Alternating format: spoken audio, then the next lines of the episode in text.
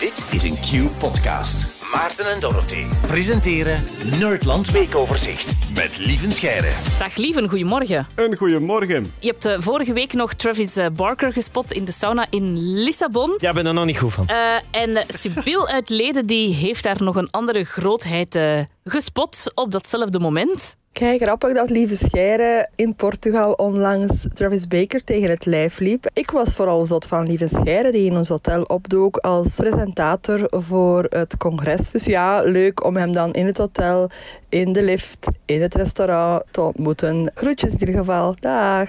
Ja, het is dus Travis Barker, Ja.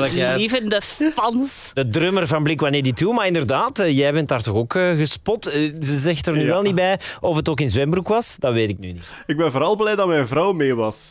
Anders hoort hij op de radio en in de lift en in het hotel en op het restaurant.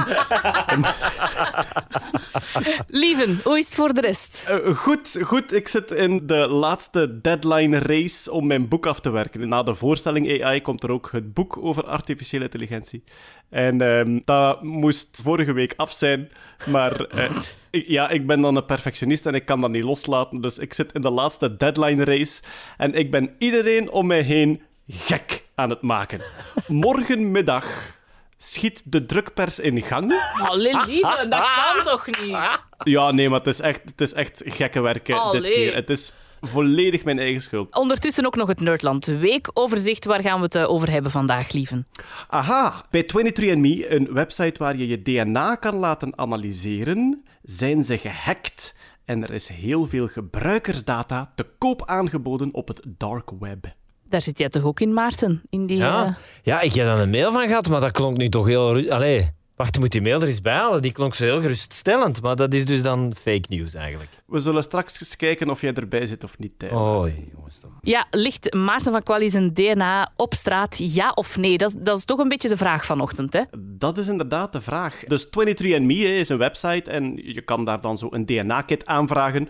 Die wordt dan met de post opgestuurd. Ja. Je spuwt daar een paar keer in, dan stuur je dat terug. Zij lezen uw DNA-code uit.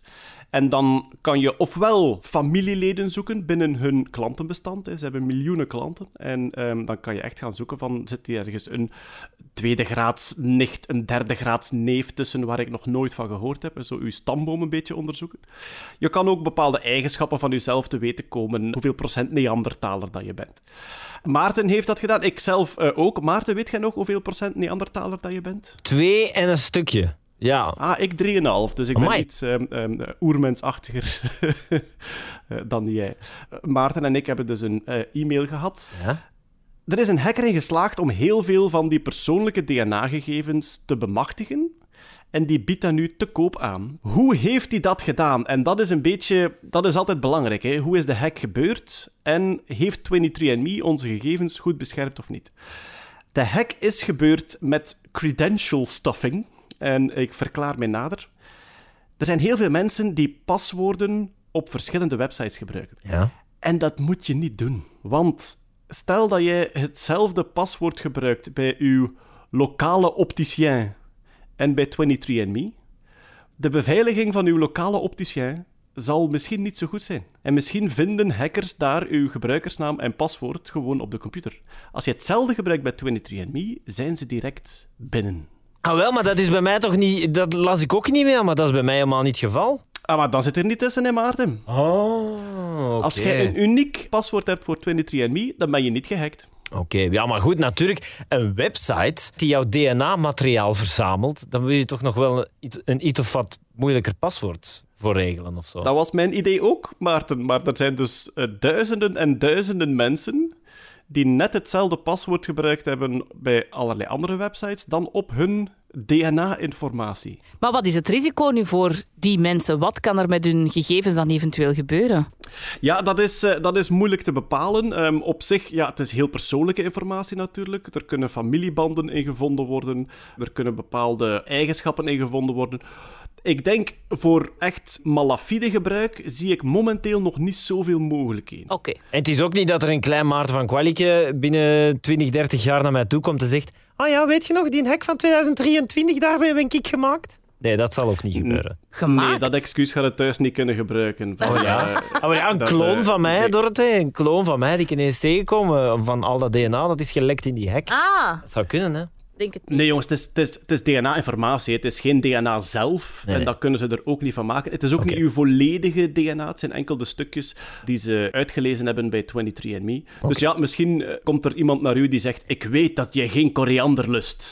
Ik heb het gezien in uw 23andMe. Dus Nee, maar dat klopt dus niet, lieve. Dat is nu heel toevallig dat je dat zegt. Want ik heb koriander gegeten dit weekend en ik lustte dat wel. En volgens 23andMe is de kans groot dat ik het niet lust. Dus je moet het Ja, ook allemaal niet geloven, de apps. Nee, het, is, het, is al, het zijn altijd kansen. Het zijn Ja. altijd kansen. Dat is het lastige aan DNA. Er zijn altijd verschillende factoren. Het gaat altijd zoveel kans dit en zoveel kans dat. Dus je hebt daar weinig duidelijke antwoorden in. Ja. Ik wil toch nog even doorgaan op de manier van hacken.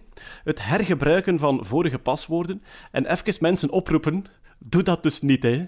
Ehm, zo, oud, zo hetzelfde paswoord opnieuw en opnieuw gebruiken. Er staan hele lijsten online van ja, wacht, ik ga het anders formuleren.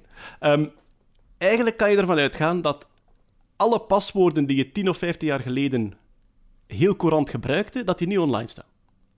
Oké. Ehm, er is ook een website, Have I Been Pawned? En als je daar naartoe gaat, kan je gewoon je e-mailadres intikken en dan zegt hij u welke wachtwoorden dat er al gelekt zijn van u. Ja, ja. Ehm, ik heb een demo gehad van de, van de politie, van de Cybercrime Unit. En die vroegen aan mij van, ja, geef eens de, geef eens de e-mailadressen waar dat je vroeger vaak mee inlogde.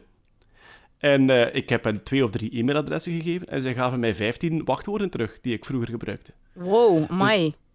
Dus alles wat je 10, 15 jaar geleden gebruikte, staat gewoon online. Ik heb vrienden die die database gewoon op hun computer staan hebben. Met al die wachtwoorden die erin zitten. Wat is nu de veiligste manier? Ehm, eigenlijk die, die, ehm, die voorgestelde sterke wachtwoorden. Hè. Google doet dat en uw iPhone doet dat soms. Ehm, die kunnen zo een sterk wachtwoord voorstellen.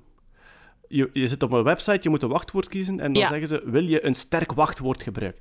Eigenlijk is dat een heel goed idee.